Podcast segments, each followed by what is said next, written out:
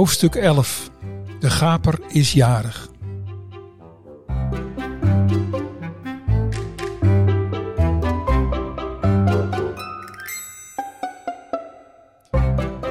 Op zaterdag 3 maart 1849 opent Antonie van der Pigge zijn affaire in drogerijen en verfwaren.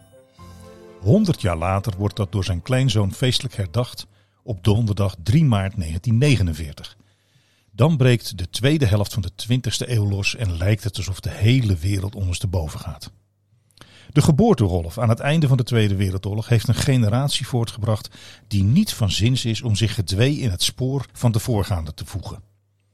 De betrekkelijke armoede die de mensen vroeger daartoe dwong, heeft plaatsgemaakt voor welvaart. De jongeren zijn niet alleen lastig, maar ook talrijk. Erg veel weerstand ontmoet deze protestgeneratie niet in Nederland. Integendeel, het lijkt wel of de gevestigde orde bezig is de poten van haar eigen, zo onwrikbaar geachte stoel door te zagen. Alsof de duivel ermee speelt. Wat in dit verband een gewaagde vergelijking is, wordt uitgerekend door de katholieke kerk in 1962 een proces van vernieuwing ingezet met het Tweede Vaticaanse Concilie. In Nederland ontstaat onder de gelovigen een niet eerder voor mogelijk gehouden beroering. Het is twijfelachtig of de mensen precies begrijpen wat er in Rome beslist is. Maar de het eeuwen in lage landen sluimerende geest van oproer en protest is weer tot leven gewekt. De Nederlandse katholieken, tot dan toe de braafste en meest Rome-getrouwe ter wereld, ontwikkelen in verrassend korte tijd zulke subversieve denkbeelden dat er in tien jaar tijd meer katholieke kerken gesloten worden dan Calvinisten in drie eeuwen gedaan hebben weten te krijgen. Vooral de katholieke jeugd zoekt het heil ergens anders en laat zich niet meer met een blok aan een ketting vastleggen. Er wordt geprotesteerd tegen het celibaat en er gaan stemmen op om vrouwen tot priester te wijden. Het Vaticaan reageert verbolgen. Het lijkt de beeldenstorm wel. Zo was het concilie niet bedoeld. De wereldlijke revolutie speelt zich af in Parijs en Amsterdam. In Haarlem gebeurt zoals gebruikelijk niets. Een deel van de oudere generatie maakt zich druk over provo en het dragen van lang haar, zonder te begrijpen wat er aan de hand is. Veel jongeren begrijpen er ook niks van, maar vinden het allemaal wel spannend. De revolutionaire geesten verspreiden hun boodschap niet door middel van de drukpers, zoals in de tijd van Calvijn, maar via de media en de popmuziek. Die boodschap is in wezen dezelfde. Alles moet anders. Oude normen en waarden worden ter discussie gesteld en radicaal verworpen. Onze generatie gelooft dat de storm die plotseling opkwam zetten en daarna langzaam afneemt, een verfriste en verjongde wereld zal achterlaten, waar de mooiste idealen voor het opscheppen liggen, flonkerend als dauwdruppels in de zon. Jammer genoeg blijkt later dat ze ook als dauw verdampt zijn. In het voorjaar van 1990 ligt Astrid van Os op het punt moeder te worden in de slaapkamer boven de drogisterij en hoort tussen de weeën door de waterdruppels vallen in de diverse emmers en tijlen die in de kamer staan. Buiten plenst de regen uit de lucht. Open heeft eens gezegd: als het bij V&D regent, druppelt het bij ons. Maar zo letterlijk bedoelde hij dat niet. Astrid zou zich natuurlijk af kunnen vragen hoe zij als dochter van Aadhart, eigenaar van de grootste behangzaak in Haarlem, in godsnaam in zo'n lekkend krot terecht is gekomen. Maar dat vraagt ze zich niet af. Dit is niet zomaar een bouwvallig pand, het is drogisterij van der Piggen. Zij en Menno wonen al een paar jaar boven de winkel. Alles komt in orde. Weinige uren later wordt een dolgelukkige Menno vader van een dochter, Sophie. Buiten staat de gevel in de stijgers. 90 jaar na de laatste opknapbeurt is het oude pand er slecht aan toe. Maar nu wordt in samenwerking met de Haarlemse Monumentenzorg ingegrepen. Die stelt vast dat de balken van de kapconstructie vergaan zijn. Het dak ligt in feite als een los deksel op het huis. In juni worden de stijgers afgebroken en is de klus geklaard. Het jonge gezin van Os verhuist niet lang daarna naar een andere plek op de Haarlemse monumentenlijst. Een ogenstrelend huis in de Siciliasteeg. In de Gierstraat keert de rust weer. S'nachts hebben de geur van de kruiden, De stilte en de geesten uit het verleden weer het rijk alleen boven de drogisterij A.J. van der Pigge. Vanuit die kamer, nu als kantoorruimte in gebruik, heb je een mooi uitzicht op de botermarkt en de gedempte Oude Gracht. De ramen omlijsten precies hetzelfde stukje Haarlem als in 1849. De camera staat vast, alleen het beeld verandert in de loop der jaren. De botermarkt, waar de eerste gaper in 1849 op uitkeek, kunnen we ons alleen eens een lantaarnplaatje voorstellen. Van wat de tweede gaper zag, bestaan al foto's in zwart-wit. Niet in kleuren, zoals de werkelijkheid van nu, die de derde gaper voor zich ziet. Wonderlijk hoe hetzelfde plekje in anderhalve eeuw tijds volkomen verandert. De markt, de bomen, de mensen en de Hollandse wolkenlucht boven de stad zijn anders dan vroeger en toch hetzelfde. Wat is oud? Hier en daar een gevel, zoals die van het Bruine Peert, of van het voormalig pakhuis De Hoop op de Botermarkt. Dat is alles. Door het rechterraam zie je de gedempte oude gracht en vroeger zag je door dat raam de oude gracht. Met bomen langs het water en grote deftige huizen. Na het dempen van de gracht was daar ineens een lege boulevard die veel te breed leek in verhouding tot de huizen. Vanuit dit raam zijn de gevels aan de westzijde van de gracht nog net te zien, naast het hoekhuis op de Botermarkt, dat sinds 1775 altijd een slagerij is geweest. Het tweede huis daarnaast is nummer 76. Jammer dat de donkere luiken verdwenen zijn, die op foto's van vroeger zo deftig afstaken bij de wit gepleisterde gevel. Tegenwoordig is het een makelaarskantoor. De laatste particuliere bewoner van de gracht, Anton van Os, is in 1982 overleden. Huizen van Os is niet langer meer het middelpunt van het familieleven. Anton van Os is de geschiedenis ingegaan als de man die het tegen Vroom en Dreesman durfde opnemen en drogisterij van der Pigge tot een legendarisch begrip maakte. Legendarisch omdat hij een grote liefde voor zijn vak koesterde, waar hij heel andere opvattingen over had dan iemand die een bordje met apothekersassistent op zijn deur schroeft en een witte jas aantrekt. De antieke boeken en prenten die Van Os tijdens zijn leven verzamelde, zijn geveild. En de gapers? Nee, die niet. Er is wel een tijd lang onzekerheid over hun bestemming geweest als gevolg van enig verschil van mening onder de erfgenamen van Os, maar dat komt in de beste families voor, zullen we maar zeggen.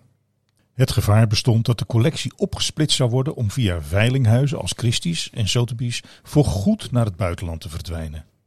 Tot in 1997 Bio Horma, de grote producent van natuurgeneesmiddelen in Elburg, ze tenslotte heeft gekocht. Zo zijn ze voor Nederland behouden gebleven. In 1988 waren ze al verhuisd naar Enkhuizen, naar het Zuiderzeemuseum. Daar zijn ze nog steeds te bewonderen. In de liefdevol gereconstrueerde apotheek De Grote Gaper in het Buitenmuseum.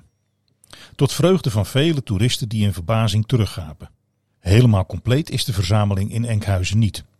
Een paar gapers waren inmiddels ontsnapt. Niet naar het buitenland. Ze zijn eigendom van Menno van Os en luisterden de drogisterij in de Gierstraat op. Niets zo lastig terug te roepen als het jongste verleden. Het is verleidelijker en ook zoveel makkelijker om in een veel verder achter ons liggende tijd te snuffelen. Geen overlevenden om je op historische fouten te betrappen en alle gelegenheid om met fantasie in te vullen wat in de archieven ontbreekt. Toch moet ik, om dit verhaal te voltooien, terug naar de dag van gisteren. In 1968 overlijdt Hak van Os, de eeuwige student en trouwe chroniqueur van de familie en de drogisterij. Een beroep heeft Hak nooit uitgeoefend, evenmin behaalde hij een academische titel. Maar weinig mensen hebben zoveel werk verzet en zoveel kennis vergaard als deze werkeloze. Als bestuurslid van verenigingen en stichtingen heeft hij zich belangeloos een leven lang ingezet voor zijn medemensen. Lisbeth van Os heeft haar man Anton negen jaar overleefd. Een tragisch verkeersongeluk maakte in 1991 een einde aan haar leven. Zijn zuster Han, de oudste van de drie kinderen van Johannes van Os, is in 1977 overleden. De dynastie van Os schijnt beladen te zijn met een vloek. In de mannelijke lijn maakt niemand zijn middelbare school af, hoewel iedere generatie het met frisse moed opnieuw probeert. Menno gaat naar het Triniteitslyceum, maar net als zijn vader en grootvader houdt hij het niet vol. Hij kiest voor iets volkomen anders. Niet voor de zeevaart, zoals zijn vader. Hij gaat naar de MTS om bouwkunde te studeren en haalt zelfs als leerling bij aannemer Tichelman in Spaardam zijn aannemerspapieren. Wat moet een drogist daarmee? Niets natuurlijk. Tenzij het een drogist is die een oud monument heeft in plaats van een normale winkel. Als Menno begint mee te helpen in de zaak op de vrije zaterdagen, staan er korte tijd drie generaties van Os tegelijk in de winkel. Opa Ton doet het wat kalmer aan, de dagelijkse gang van zaken steeds meer aan anderen overlatend. In 1976 geeft hij, na bijna 70 jaar als firmant van A.J. van der Pigge werkzaam te zijn geweest, het roer over aan zijn zoon Jan. Die beseft dat er toch iets moet veranderen, wil de drogisterij niet aan zichzelf ten onder gaan. Het grootste gedeelte van de omzet bestond van ouds uit verfwaren en kleurstoffen, maar verf is iets dat tegenwoordig kant en klaar in een potje wordt verkocht. Van Os zoekt een manier om het assortiment uit te breiden zonder de zaak in een parfumerie te veranderen. De vraag naar alternatieve geneeswijzen en natuurlijke middelen neemt steeds sneller toe en is misschien te combineren met het klassieke Van der Pigge assortiment. De winkelruimte is wat klein voor de verkoop van veel meer artikelen. Dus wordt het pakhuis op de botermarkt verbouwd tot een alternatief filiaal voor de verkoop van homeopathische en reformproducten. De nieuwe winkel wordt op donderdag 5 oktober 1978 feestelijk geopend. Achter de toonbank staat de zoon van Joop van Velzen, de veteraan die inmiddels ook alweer 50 dienstjaren heeft volgemaakt. Maar de tweede van der Pigge blijkt na een tijdje geen levensvatbare zaak. Jan van Os mag er dan wel leuke cadeauspulletjes, zoals stopflesjes en theepotjes, willen verkopen, maar het werkt niet. Achteraf gezien nogal logisch. Er bestaan in ieder vak bepaalde wetten. Het is nu eenmaal zo beschikt dat er op de wereld slechts één van der Pigge is. Een tweede kan dus niet. Dat is tegen de regels. Jan van Os keert terug van de dwalingen zijns weegs. Voor een deel blijft de uitbreiding van het assortiment gehandhaafd. Het voormalige kantoor naast de drooggisterij wordt daarvoor ingericht. Het pakhuis op de botermarkt heeft een tijdje dienst gedaan als antiekhandel. Later is het verbouwd en zijn er appartementen van gemaakt.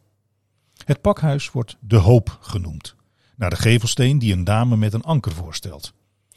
Het moet wel een flinke meid zijn om op die manier een stokanker met de vloeien naar boven losjes in haar armen te kunnen houden, alsof het een bosje bloemen is.